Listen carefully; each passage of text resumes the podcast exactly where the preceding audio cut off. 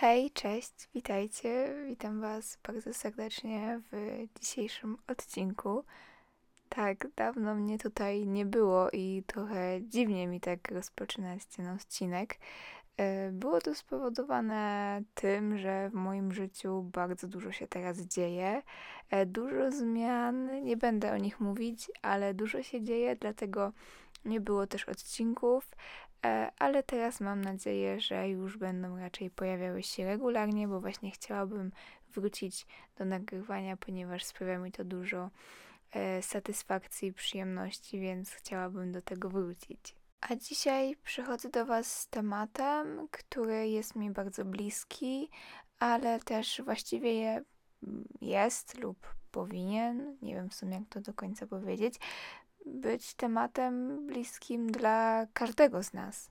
I z jednej strony niby coraz więcej się o tym mówi, a z drugiej strony gdzieś ciągle są te stereotypy i gdzieś jednak większość społeczeństwa postrzega to w sposób negatywny. A tutaj chodzi mi o spędzanie czasu w pojedynkę. Bo mam wrażenie, że jednak ciągle trochę się nie docenia tego czasu i trochę się go umniejsza.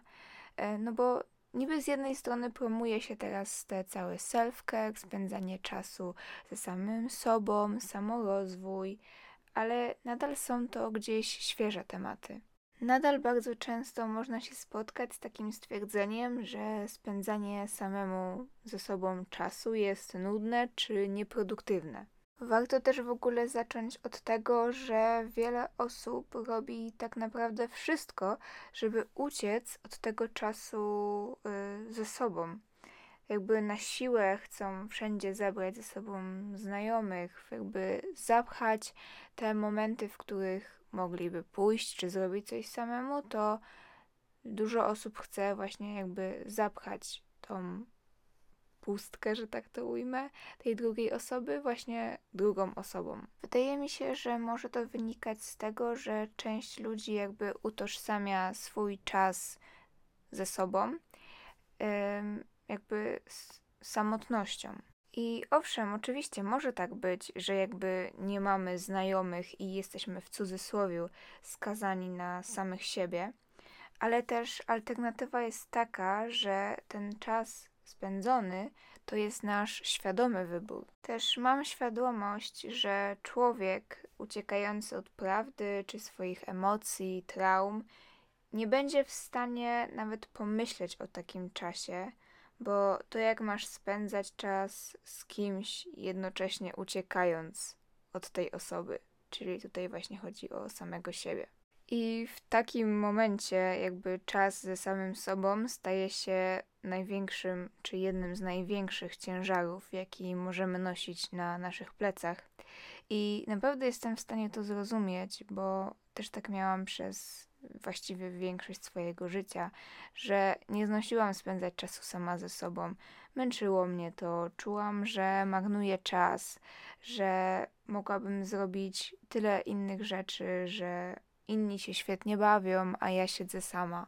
Śmieszniejsze też było w tym to, że nie wiedziałam w sumie, co w tym czasie mogłabym robić, ponieważ nie chciałam, nie umiałam wejść w siebie, poznać samej siebie, dowiedzieć się, co chcę robić, co jest moim hobby i tym podobnym. Jakby nie byłam w stanie, ponieważ to wiązałoby się z konfrontacją z całą prawdą, przed którą uciekałam, którą chciałam zakopać. Dlatego rozumiem, że możemy mieć problem z takim właśnie czasem podświadomie, możemy nawet nie zdawać sobie z tego sprawy.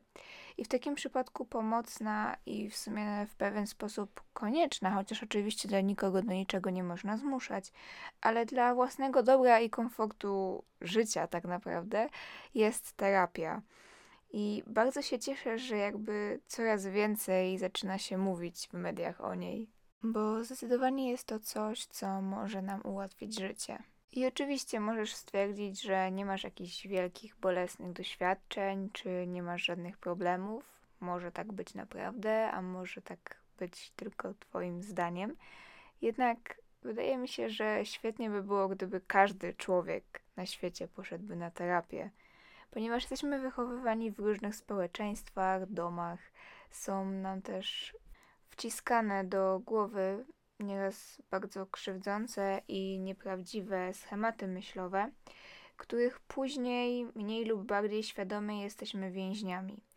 I właśnie terapia jakby pozwala nam się od tego uwolnić, albo nawet po prostu tylko to dostrzec i zmienić, bo kiedy jesteśmy czegoś świadomi, to możemy to wyłapać, a jak nie wiemy, że coś się dzieje, a się dzieje, to nie jesteśmy w stanie tego wyłapać, a tym bardziej nie jesteśmy w stanie tego zmienić. Okej, okay, odbiegłam trochę od tematu, ale jednak wydaje mi się, że w sumie warto było o tym wspomnieć.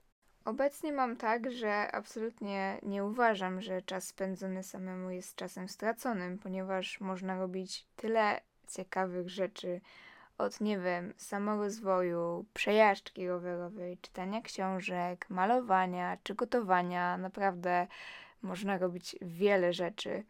I gdybym tutaj miała zacząć teraz przytaczać propozycje, to ten odcinek trwałby chyba w nieskończoność, bo ciągle można byłoby wy wymyślić coś nowego po prostu, co można robić.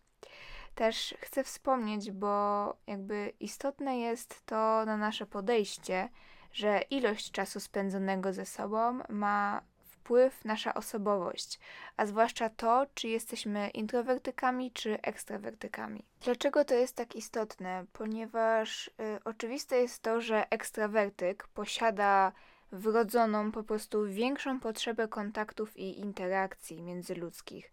Dlatego automatycznie jakby może tak być, że będzie spędzał więcej czasu z innymi, bo to ładuje jego baterię. Takiej osobie może wystarczyć na przykład obejrzenie jednego odcinka serialu samego, samemu, który trwa na przykład, nie wiem, 25 minut czy godzinę i to tyle tego czasu w samotności mu wystarczy. Natomiast introwertyk ładuje się w ciszy i może potrzebować nawet kilku dni, tygodni e, spędzonych ze sobą. Jedna i druga, jak i te pośrodku, opcja są jak najbardziej w porządku. Bo też warto pamiętać, że właśnie ten introwertyzm i ekstrawertyzm to jest wszystko skala, jeszcze można być pośrodku, czyli ambiwertykiem i wtedy jest taka mieszanka tych y, dwóch ale no, to jest po prostu skala, czyli po prostu możemy być bardziej introwertyczni, ale też mieć trochę lub mniej tego ekstrawertyzmu. Także to jest tak naprawdę indywidualna sprawa. Dlatego ważne jest, aby robić wszystko w zgodzie ze sobą. Równie ważne jest to, aby jedna i druga strona, strony pośrodku również, się nawzajem szanowały.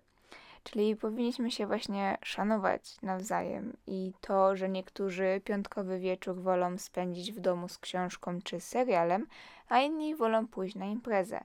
Nic z tych rzeczy nie jest ani lepsze, ani gorsze. I też jeszcze warto pamiętać, że nie ma takiego myślenia zero-jedynkowego, w sensie, że albo albo. Czyli to, że jesteś introwertykiem, nie znaczy, że nie spędzisz jakiegoś piątkowego wieczoru na imprezie, albo to, że jesteś ekstrawertykiem, y, nie świadczy o tym, że nie spędzisz na przykład weekendu z książką. Oczywiście, że może tak być i jakby jesteśmy ludźmi, wiadomo, każdy potrzebuje interakcji, każdy potrzebuje spokoju, także właśnie tak jak powiedziałam, to jest skala, czyli każdy musi mieć to podporządkowane pod siebie. Także w sumie to byłoby wszystko, co chciałabym powiedzieć w tym odcinku. Bardzo dziękuję Wam za wysłuchanie. Zapraszam Was do wysłuchania moich poprzednich podcastów i mam nadzieję, że widzimy się już wkrótce.